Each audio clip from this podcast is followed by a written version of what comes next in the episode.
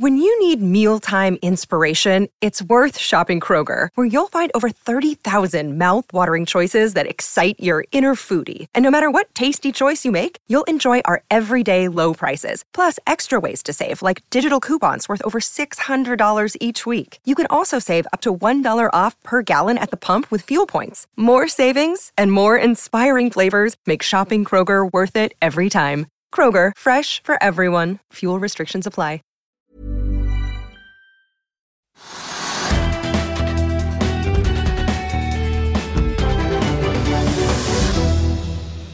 En eh, riktig god fredag alle sammen, og velkommen til Økonominyhetene på denne første gudskjelov-dagen i desember. Kalenderen viser 2. desember, og vi har rigget til en buffé til deg så fyldig at den setter selv de beste hotellene i Las Vegas i forlegenhet. Vi skal straks høre fra Petter Stordalen og DNBs eiendomssjef Olav Løvstad, som i dag deltok på eiendomskonferansen vi i Finansavisen arrangerte på Grand Hotell her i Oslo. Så blir det bilprat, og vi skal høre et intervju jeg gjorde tidligere i uken med en av Carnegies fondsforvaltere på besøk fra Stockholm. Og der får får du høre hvilke to norske aksjer som smetter gjennom ESG og analysenåløyet deres. I dag er det også dagen da Fed-sjef Jerome Powell og resten av markedet får servert eh, de amerikanske sysselsettingstallene for november måned. De slippes eh, klokken 14.30 norsk tid, altså om en time.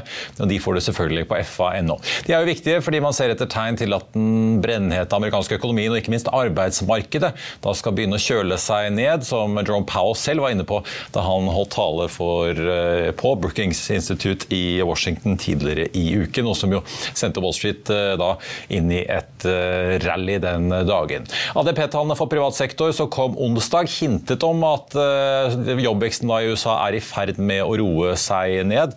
Så får vi se da hva fasiten viser når vi får da de såkalte non-farm-tallene om ikke så altfor lenge. La oss ta en titt på markedet ellers. Etter en solid oppgang i november så endte jo da hovedindeksen opp 0,15% i går, men i dag er vi tilbake ned da 0,98% akkurat nå. På det verste litt tidligere i dag var vi ned halvannen prosent fra start. Det har klatret altså litt oppover, så får vi se hvor vi ender. Er vi heldige, så blir kanskje sluttstreken litt bedre enn et fall på nærmere 1 Rundt oss i Norden så er det jevnt over grønt i dag, mens det ellers i Europa er litt mer blandet. Kurskursene på Wall Street peker mot en nedgang i USA etter en litt blandet slutt der da i går. Nordsjøoljen ligger opp 0,7% til 87,50 i spotmarkedet. Den amerikanske lettoljen opp 0,3% til 81,60. Og som jeg har sagt flere ganger denne uken, det er jo da ikke minst OPEC-møte neste uke 4.12. Og etter planen skal også da EUs oljeembargo mot Russland inntre da fra og med den femte. Vinnerlisten på Oslo Børs i dag toppes av Astrocast, som er opp eh, nesten 15% til 11,50. Aksjen er opp over 150% på en uke etter annonseringer om en ny satellittdeal og satellittoppskytning. Tre analysedrevne aksjeutslag i dag. Vi begynner med Prosafe, boligriksselskapet som i gåsehud har hatt alle finanskjendisene inne på eiersiden, stiger over 11% til nesten 150 kroner aksjen, etter at Carnegie da har tatt opp dekning av aksjen med en kjøpsanbefaling og et kursmål på 2 70, så en betydelig fortsatt oppside da i Carnegies øyne. Spill- og e-læringsselskapet Kahoot stiger nesten 5% til 23,50 etter at JP Morgan har høynet kursmålet sitt og ser en oppside på rundt 50 til i dag den aksjen. Det er jo en aksje som har fått mye juling fra historiske nivåer. Og så må vi innom Tank også, som også er litt analysedrevet i dag. Frontline, som er en av de nesten omsatte aksjene på Oslo Børs i dag, stiger litt over 2% etter at flere meglerhus har oppgradert aksjen i løpet av det siste døgnet. Andre nyheter er verdt å få med seg. Det ser ut som Aker BP kjører på med alle sine annonserte prosjekter, med unntak da selvfølgelig av Wisting, der de er med som partner i Barentshavet, som jo både de og Equinor eh, tidligere i høst annonserte blir utsatt. I en melding i morges så skriver eh, Aker BP at de, eh, får, eh, at de nå gir grønt prosjekt da, til en rekke prosjekter, inkludert de to gigantprosjektene Noaka og Valhall Fenris, samt da prosjekter rundt Skarv og Utsirahøyden, der selskapet kontrollerer både Ivar Aasen-feltet og nå også Edvard Grieg-feltet, som de fikk inn gjennom Lundin opp oppkjøpet. Dette er jo da en styrebeslutning i Aker BP, så selve sanksjoneringen av prosjektene skal jo da skje i lisenspartnerskapet, hvor også da andre selskaper som selvfølgelig da er med på disse prosjektene også må si ja. Men hvis vi legger det til grunn, så skal altså Aker BP eh, ifølge egne tall da investere 19 milliarder dollar, rundt 180 milliarder kroner, i perioden 2023 til 2028.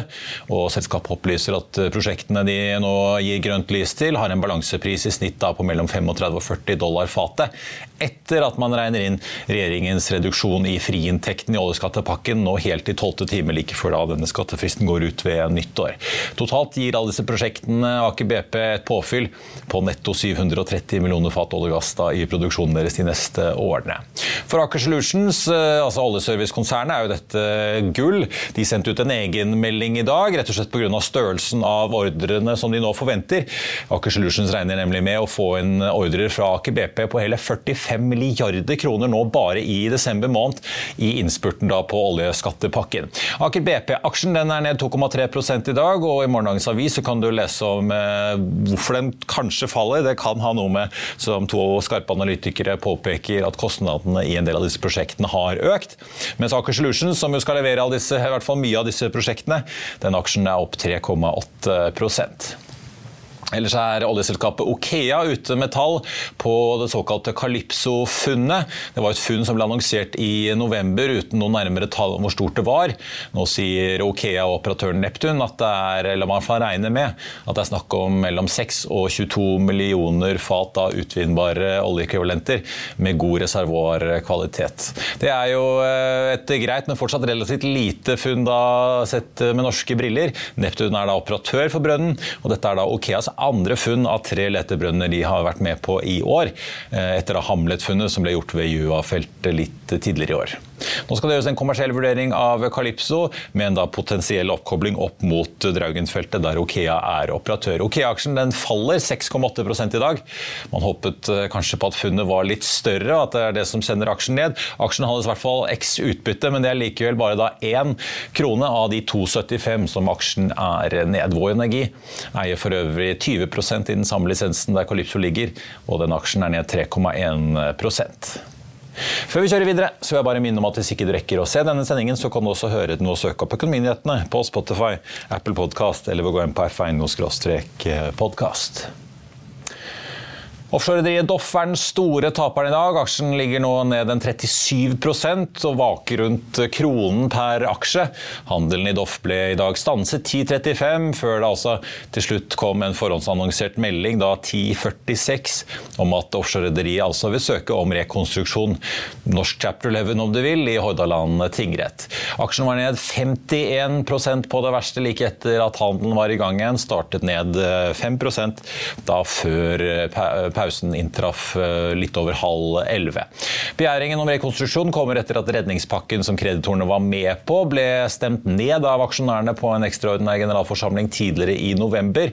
I den planen skulle det gjeldstyngede offshorerederiet eh, da restrukturere seg selv, og aksjonærene ville sitte igjen med rundt 4% av det restrukturerte selskapet. I en rekonstruksjon i retten er det signalisert at aksjonærene bare vil sitte igjen med rundt en prosent. Styreleder Hans Olav Lindahl i Doff sier til Finansavisen Finansavisen i dag at citat, avtalen er fortsatt avhengig av tilslutning fra aksjonærene, men dette er en tvungen prosess. En gruppe aksjonærer har lenge kjempet imot en restrukturering, slik selskapets styre og kreditorer er blitt enige om, bl.a. fordi offshoremarkedet da har bedret seg, og Doffs betjeningsevne og selskapets underliggende verdier er på vei opp. Selskapet opplyser i fredagens børsmelding at det har vært i dialog med rådgiverne for minoritetsaksjonærene, men at de ikke har mottatt eller kommet inn noe informasjon som tilsier at disse aksjonærene har noen reelle alternative løsninger til restruktureringen som tidligere altså lå på bordet. Finansavisen arrangerte i dag den årlige eiendomskonferansen. En bransje der mange nå merker rentepresset på kroppen. Vi har både snakket med eiendomssjefen i Norges største bank og mannen som akkurat åpnet sommer og hotell her i Oslo i høst. Og vi begynner med Mr. Strawberry himself. Bare se her. Petter Stordalen, i høst har du åpnet storslagne Sommerås, som er smekkfullt, smekkfullt. Men her på scenen så er du ganske klar, over, klar på at du forventer en oppbremsing i eh, reiselivet nå i 2023. Hva er det du ser? Nei, for det første så, Dette er ikke basert på tro, det er basert på hva vi ser av innbookinger fremover. Og jeg tror eh, ikke bare eh, hotell og reiseliv, altså alt innen restaurant og alt, kommer til å våkne opp inn i eh, Q1 og Q2. Og man kommer til å se et, eh, effekten av inndragning av kjøpekraft. Det tror jeg. Så tror jeg også at eh, det her er forbigående. Um, men uh, varehandel det blir litt tøffere. Enkelte bransjer får det veldig tøft. Spesielt de som på mange måter kanskje hadde det veldig bra under pandemien. Som hvor folk kjøpte hengekøyer og sykler og hjemmeutstyr og alt mulig. Uh, de har det nok tøffere nå. Og jeg tror selv liksom tekstil og de fleste merker uh, det at folk har fått dyre strømregning til tross for strømstøtte. Og alt har blitt litt dyrere. Og så kommer nå Effekten av renteøkninger den tror jeg først vi kommer til å, den slår først ordentlig inn på nyåret. Og Da tror jeg du får et litt mer forsiktig eh, forbruk. Ja, for du, du var inne på deg selv her. Eh, av erfaring fra tidligere kriser så har du ikke villet eh, ha så mye obligasjonsgjeld. Du holdt deg til banklån. Alle som har hørt på podkasten vet at du har vært hos Kjerstin Bråten gjennom pandemien og fått til en løsning som har gjort at dere har klart å lande. Når du nå ser den renteøkningen vi har sett, hva mange nå må betale hvis de skal ut og refinansiere deg, hva er det du tror kommer til å utspille seg nå?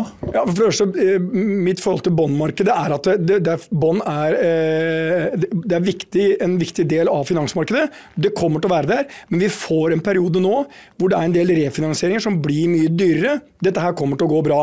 I Norge kommer vi til å klare det fint. Grunnen til at jeg er så glad i banker, og spesielt glad i DNB, det er at jeg har hatt den banken i hele min businesskarriere. Fra jeg var i butikken til faren min hjemme. Da hadde det et annet navn på den, men den ble kjøpt av DNB. Um, ehm, og Det gjør at du får et tillitsforhold over tid. For jeg er i en bransje hvor det å ha kompetanse til å drive virksomheten vi har, det er litt annerledes enn å ha et kontorbygg leid ut til staten i ti år. Jeg driver en virksomhet med 17 500 ansatte og omsetter for 15 milliarder bare i hotellselskapet. Ving omsetter også for 15 milliarder. Det er et ekstremt komplisert, tech-basert reiselivsselskap. Ehm, så jeg er avhengig av å prate med mennesker jeg kjenner, og på alle nivåer i DNB så har vi hatt et godt forhold gjennom mange år. Det er mye tryggere. Noen ganger er det kanskje litt dyrere. Men det er vel investerte penger. Og det jeg snakker om, det er i krise, så må du du må jo ha samtale med alle stakeholderne dine. Ikke bare aksjonærene dine. Og en av de er banken. Og hvis du ikke har noe ansikt på de, du vet ikke hvem som eier gjelda di, da blir det mye mer komplisert. Så eh, Det er det jeg tror vi kommer til å oppleve nå. og Vi ser jo også, eh, kanskje spesielt i Sverige, at eh, en del av de obligasjonene som var veldig gunstige, sånn de prises nå, er veldig ugunstig. Kort til slutt, Er dette en mulighet for å slå til å kjøpe eiendom som har falt i pris?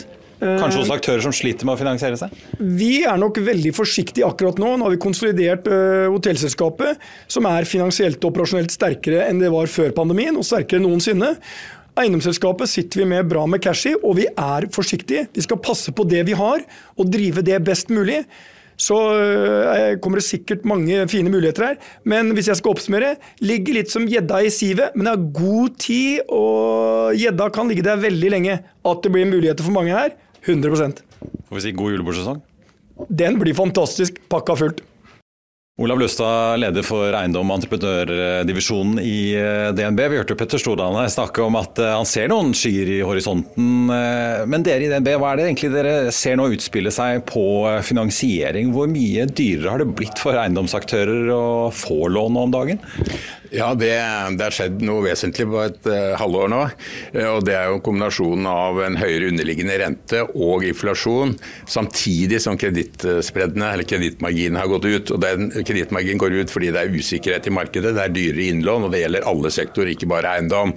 Så du kan si at i, i det store bildet så kan du si at renten kanskje på et år har gått fra all in til å være på å være 2-2,5 og nå være mer 5,5-6 for et uh, standard eiendomscase. Du snakket om her at uh, forfallene i Sverige kommer litt fortere enn de gjør i uh, Norge. Men si litt om finansieringstilbudet uh, disse aktørene har. Da. En ting er at rentenivået har steget ganske dramatisk. Men er det lån å få hos dere og andre banker alternativt i obligasjonsmarkedet, eller begynner liksom også bankene å stramme litt inn når de ser at tidene kanskje blir litt mer usikre? Jeg tror det er viktig at man ikke gjør for store endringer i en strategi i et en situasjon hvor markedene er usikre. Samtidig så må vi ta inn over oss at det er et økt, økt rentenivå. og Det er vanskeligere å låne de pengene. Det er altså rett og slett dyre fundingkostnader. og Det er en av årsakene til at bankene eh, må passe på sin egen balanse også. I tillegg så kan det skje at du får en risikomigrasjon fra relativt lav risiko til litt høyere risiko. og Det betyr også at bankene må sette av mer egenkapital. Så alt i alt så er det også en balansestyring fra bankenes side. Eh, kapitalmarkedet gjennom bonds, altså eller obligasjonsmarkedet, er der der, er der stort sett alltid. Men det er i stor uh, grad snakk om et prisspørsmål. Uh, er prisen høy nok, så, så er kapitalen tilgjengelig. Til slutt, eh, Vi har jo sett også norske aktører måtte skrive ned papirverdiene papirverdien av eiendommene sine, men eh, som Stordalen og andre har vært inne på, inkludert deg her i dag, cashflow, kontantstrøm, er vel kanskje vel så viktig i tider som dette.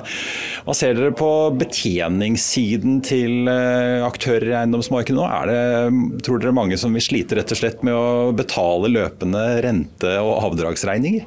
Nei, altså Det vi ser er jo at du får en dårligere rentedekningsgrad eller ICR som det heter på fagspråket. Eh, men eh, de selskapene som har hatt en langsiktig strategi, har selvfølgelig tatt hensyn til det og har buffere i forhold til det. Eh, vi i DNB har stort sett finansiert større konsern, altså corporate-finansiert større konsern med porteføljer av eiendommer.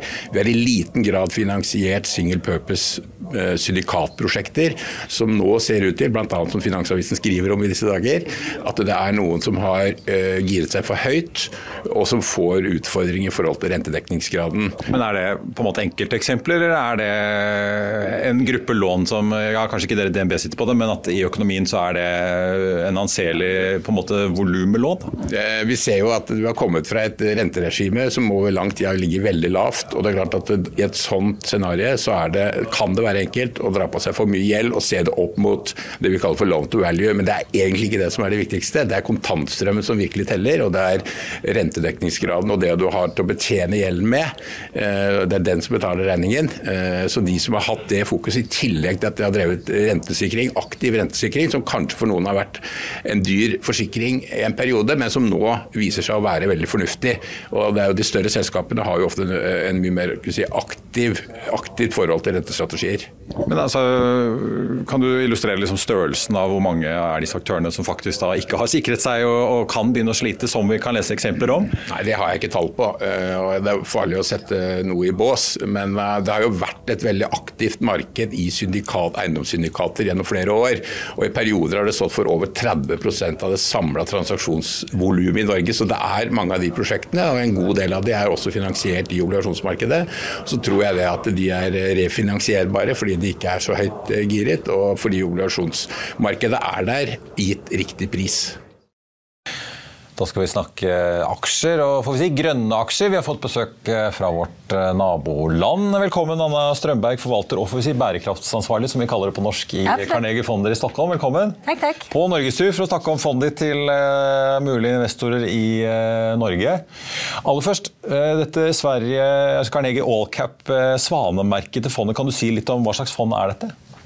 Det här är en fond som är eh, klassificerad som eh, en eh, hållbarhetsfond, en artikel 9 enligt EUs regelverk och den har ett svanemärke. Så vi letar efter hållbara investeringar som har hållbarhet som en drivkraft mm. och som gynnas av och gynnar hållbar omställning och såklart bidrar till goda finansiella resultat i bolagen vi investerar i.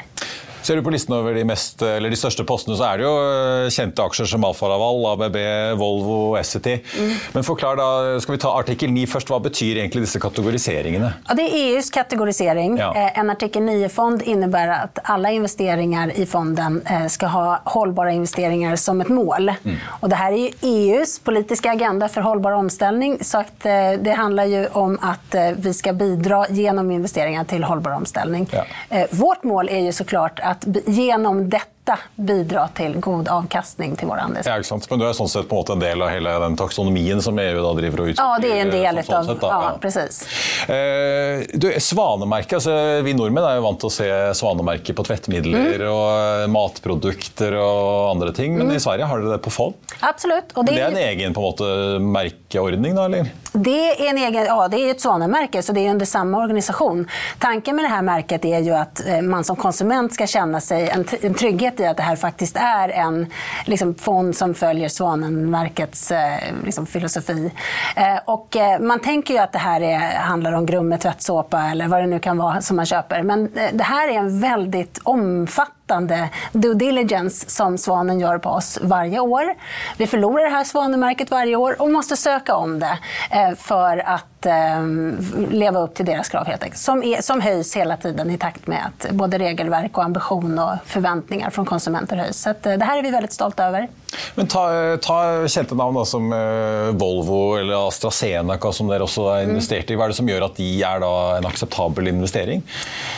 Om vi tar Volvo først, så tycker vi at det er en ur finansiellt perspektiv väldigt intressant att köpa ett, ett så eh, högkvalitativt bolag till de här multiplarna. Ja. Eh, sen ligger ju Volvo väldigt långt fram eh, i omställningen utav elektrifieringen av sin eh, försäljningsflotta helt enkelt. Ja. Eh, och har satt väldigt ambitiösa mål för att eh, elektrifiera hela liksom, försäljningen. Så selv man lager bensin och dieselbilar fortfarande så är det på måte retningen man är i och de investeringar Exakt. man gör? Ja. Och vi ser att de har ett gott försprång till sina konkurrenter och därför tycker vi att det är väldigt spännande att följa deras resa. Ja. Plus att de har Eh, under flera år nu kommit, blivit ett mycket bättre bolag på många sätt med högre marginaler över en cykel och så vidare som de bevisar här också. Ja, för det är mycket, eh, ser man på, jag var inne på Morningstar och så på branschkategoriseringen i fondet. 54% industri, ja. det är ganska industritungt ja. också, en god del helse hälso och läkemedel. Ja, absolut. Det är ju Får... Er det på en måte en effekt av at du er, at du er et svensk fond primært? Eller är det... er nog en, en, effekt av at vi leter hållbara løsninger. Bolag som bidrar til hållbar omstilling. Veldig mye av den teknologien og de eh, enablers for å gjøre det, eller green enablers som mange prater om, de ligger i industrisektorn. Mm. Og det er det som er det fine i denne här kråksången, att det handler jo ikke om masse ny futuristisk, futuristisk teknikk, utan det handler jo om sånn teknikk som vi redan har og som vi redan kan, som vi känner känner till. Det handlar om elektrifiering, det handlar om olika typer av uppvärmning, avkylning. I vår del av världen är vi väldigt duktiga på det eftersom vi har jobbat med energieffektivisering för vår överlevnad. Så vi har väldigt mycket bra byggbolag, vi har väldigt mycket bra eh, industribolag som faktiskt under hundratals... Typ Nibe, hundra, ja, precis, ja, det också. Ja. Ja. Men, men, även ABB och, och även Atlas Copco och så vidare som faktiskt har väldigt mycket energieffektivisering i sin, eh, i sin affär sen, sen, sen många årtionden for ikke 100 år tilbake. Ja. Mm. Du, la oss snakke litt om uh, markedet, for det er jo både interessant å ha deg her som uh, både svensk forvalter og også vi skal kalle deg en ESG-forvalter. For fondet ditt er ned nesten 21, eller om ungefær da 21 eh, så langt i år i det vi sitter her. Mm. Stockholmsbørsen er ned en uh, 13% Men du har en, en tyngre vekt mot mindre selskaper i fondet ditt? Stockholmsbörsen OMX30, den 30 30 största bolagen på Stockholmsbörsen, eh, eller mest omsatta bolagen på Stockholmsbörsen, är ner så lite. Ja. Men eh, ett, mycket, en bredare index är ner betydligt mer. Mm. Eh, och små bolag är ner ännu mer än så. Så det är en otrolig, dis- det är otrolig skillnad i Sverige, ja, ja. på stora och små bolag.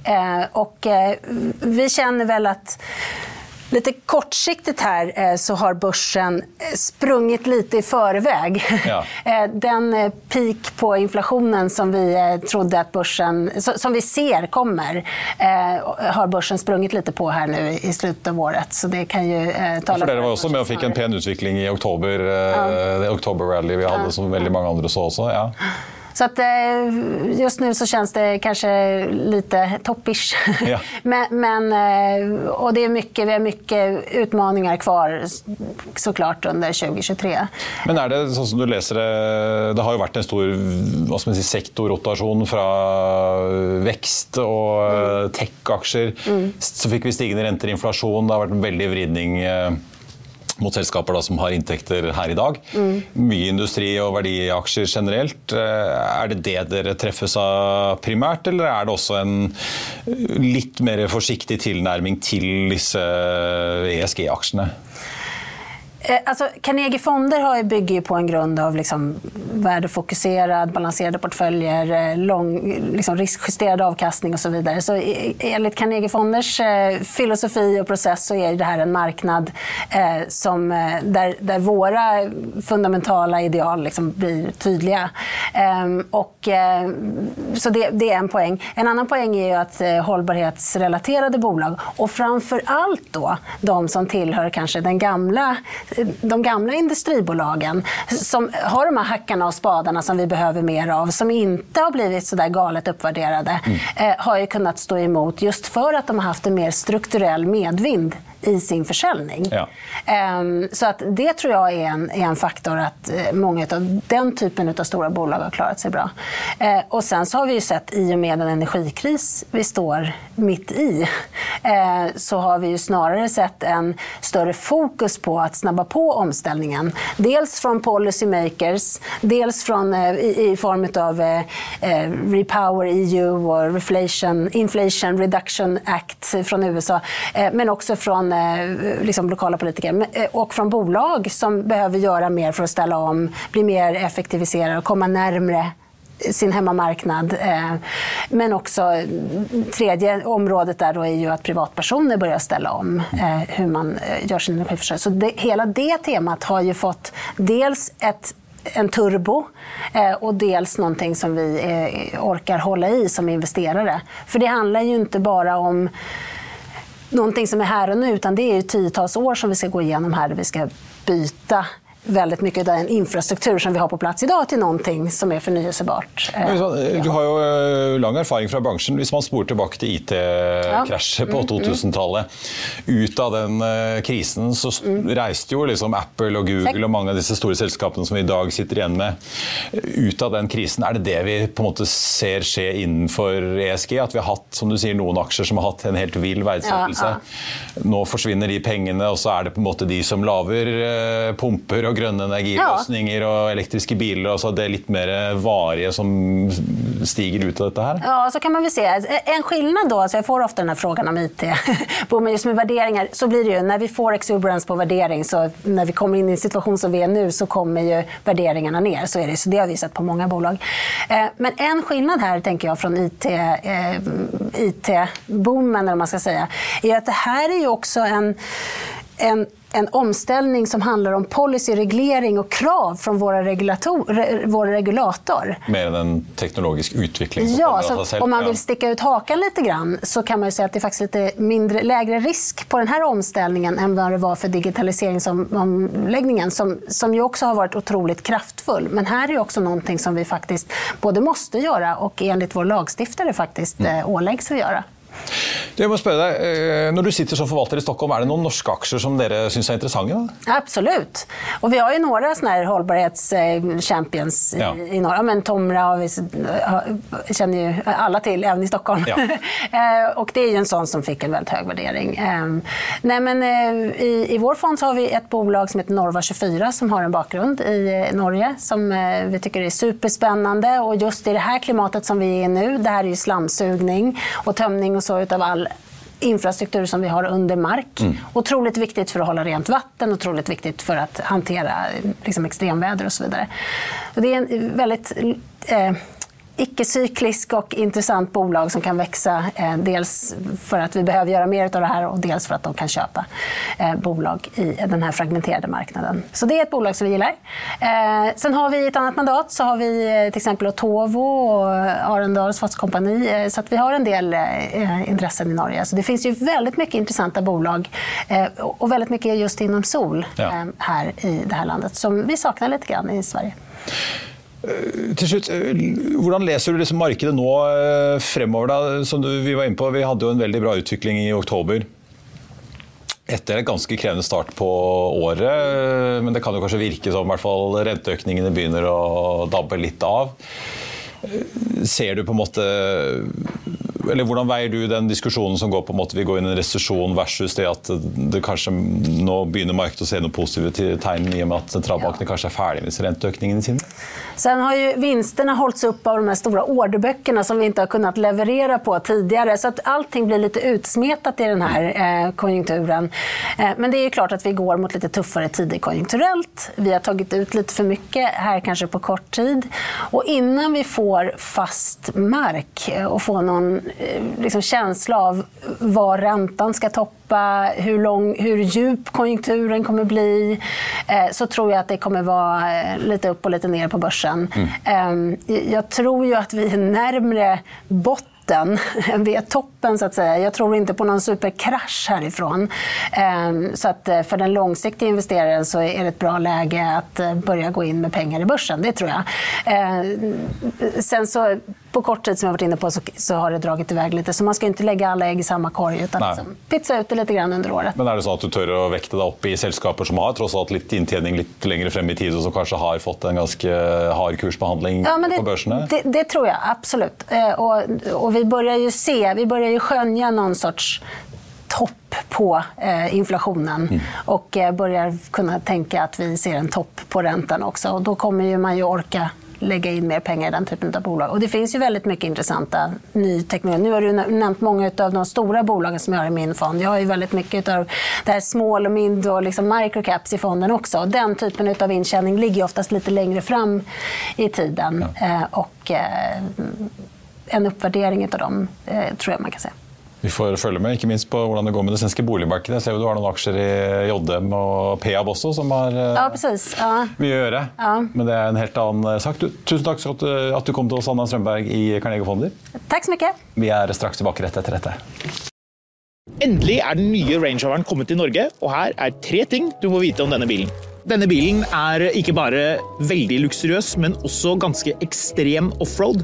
Bakkeklaringen er på 29,5 cm, så den overkjøre konkurrentene. Det er jo først og fremst Mercedes-Benz G-klasse man tenker på, Geländewagen. Den har 24,1 eh, cm bakkeklaring. Vadedybden, du vil jo kjøre i dypt vann med denne bilen, 90 cm, så nesten en hel meter. Mercedesen, den er på 70 cm. Herifra styrer du lavgirserien, for det er jo noe en eh, Range Rover-eier må ha. De har for øvrig en eh, Mercedes-Benz G-klasse også, men egentlig ikke veldig mange andre biler. Og hvis du skal kjøre ordentlig offroad, så trenger du det. Hæ? Er dette den nye Range Roveren? Den er jo helt lik som min 13-modell, jo! Nei, den er ikke det. Du kan se at den er ny fordi den har en god del færre linjer, cleanere design. Men én ting som er ganske kult for den bilen her, er at eh, Land Rover har fjernet den listen som er oppå toppen her. Isteden har de puttet pakningene inni døren, som er en kul detalj. Det gjør at bilen blir enklere å se på, og de linjene den faktisk har, er mye tydeligere. Så ja, den er lik som den forrige, det er jo meningen, det er en Range Rover. Men eh, ganske mye renere design, egentlig. Du har lyst på den, men eh, har du råd til den? Svaret på det er ja, hvis du er kjemperik, for denne bilen starter på 1730. Det er den ladbare hybriden med 113 km rekkevidde og sekssylindret bensinmotor, 440 hestekrefter. Denne modellen er langt dyrere.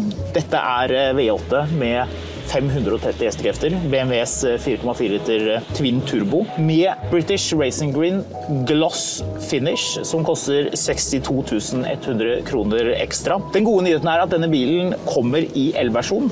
Land Rover sier 2024, så vi får se om det stemmer. Eh, men det kan jo gjøre den litt mer aktuell enn V8-modellen vi sitter i nå.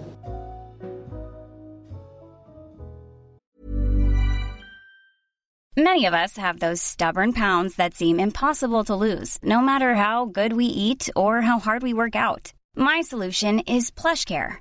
PlushCare is a leading telehealth provider with doctors who are there for you day and night to partner with you in your weight loss journey. They can prescribe FDA-approved weight loss medications like Wagovi and Zepbound for those who qualify. Plus, they accept most insurance plans. To get started, visit plushcare.com slash weight loss. That's plushcare.com slash weight loss. I'll see you in court. Vi sier det ofte litt på spøk, men for deg som driver business, er det aldri moro å innse at du ikke har laget en 100% gyldig kontrakt. Du bør ikke risikere hele firmaet ditt fordi du synes dette med kontrakter er litt stress. En avtale er ikke en avtale. Du kan miste kunder, miste venner, ja, til og med miste inntekter om du ikke lager en skikkelig kontrakt, på alt mulig, egentlig. Men vi vet det er et styr, kopimaskiner, tregprinter og haugevis av papir. Dessuten stoler vi jo på folk her i landet. Det er ofte litt kleint å skulle be om en signatur for alt mulig, ja, for mye av styret handler også om jakten på underskriften. Det finnes en enkel måte å løse dette på, Dukkobit, en trygg, effektiv og get this, gratis måte å sikre seg en god natts søvn pluss en juridisk bindende avtale.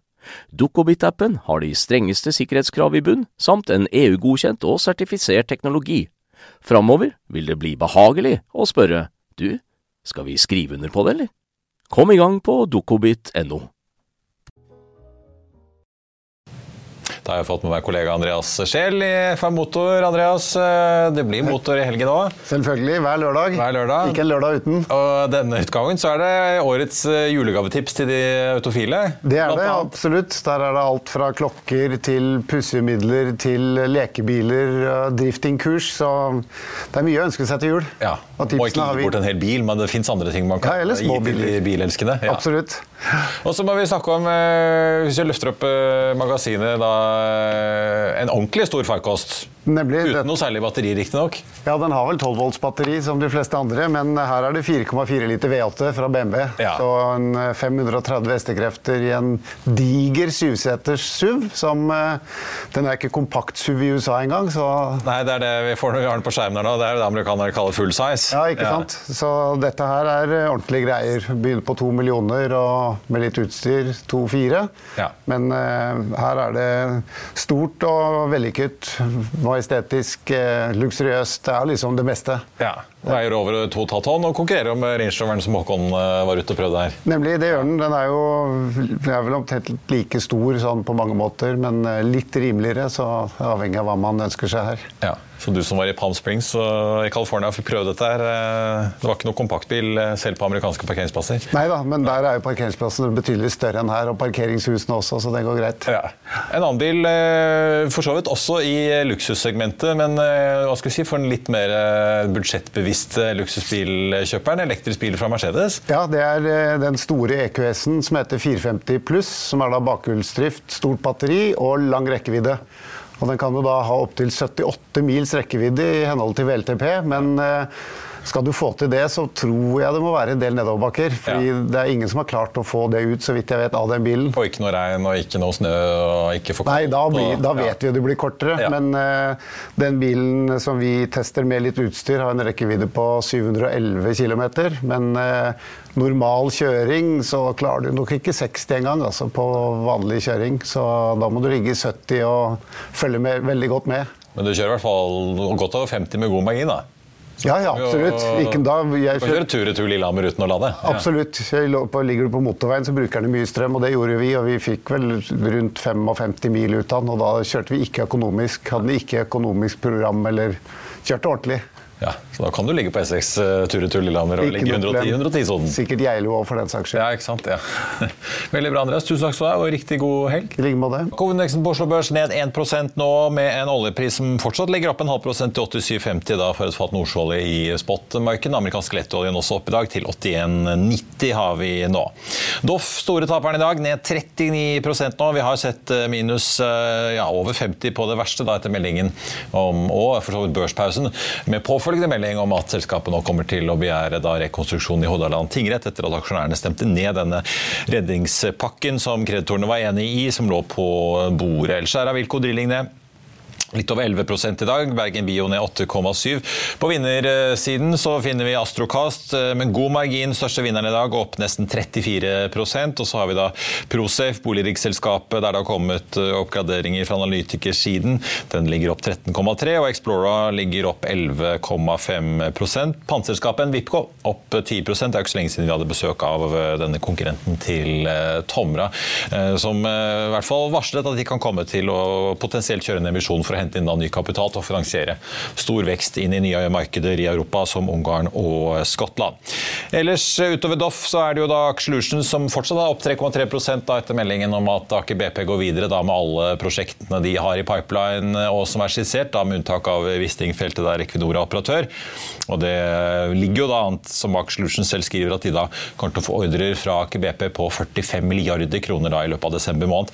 Aker BP selv faller 2,8% Okea faller litt over 6 6 i dag. Den aksjen, selv om den er ned 2,5 krone, så er jo da 1 krone av de knyttet til at den går eks utbytte.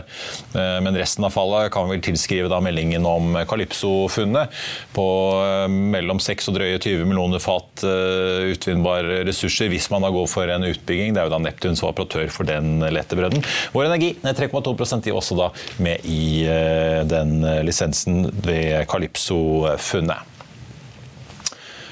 Og er det aksjer du ønsker at vi skal analysere eller snakke om, send en e-post til tvtips at finansavisen.no. I Finansavisen i morgen kan du lese Trygve Egnars leder om Hadia Tajik, som roter det til igjen. Du kan lese om Aker BPs planer altså, om å investere 19 milliarder dollar i fire prosjekter. Theodor Sven Nilsen og Jon Olaisen biter seg merke i kostnadsinflasjonen. Så kan du lese om REC-sjefen, som svarer på spekulasjonene om en børsnotering av joint venture-selskapet de har i Kina, i tillegg til selvfølgelig masse annet bil vin og helgestoff. Og Det var det vi hadde for deg på denne fredagen. Tusen takk for at du så på. Mitt navn er Marius Lorentzen, og vi er tilbake igjen på mandag morgen 08.55 i Børsmorgen og 14.30 med Økonominyhetene, der vi skal diskutere boligprisene for november, som slippes på mandag. Da får vi med Trygve Hegnar og Grete Meier i Privatmegleren. I mellomtiden ønsker alle vi her i Finansavisen deg en riktig god helg. Takk for nå.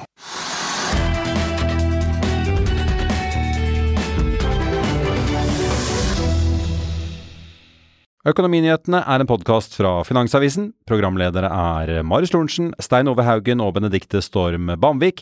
Produsenter er Lars Brenden Skram og Bashar Johar. Og ansvarlig redaktør er Trygve Hegnar.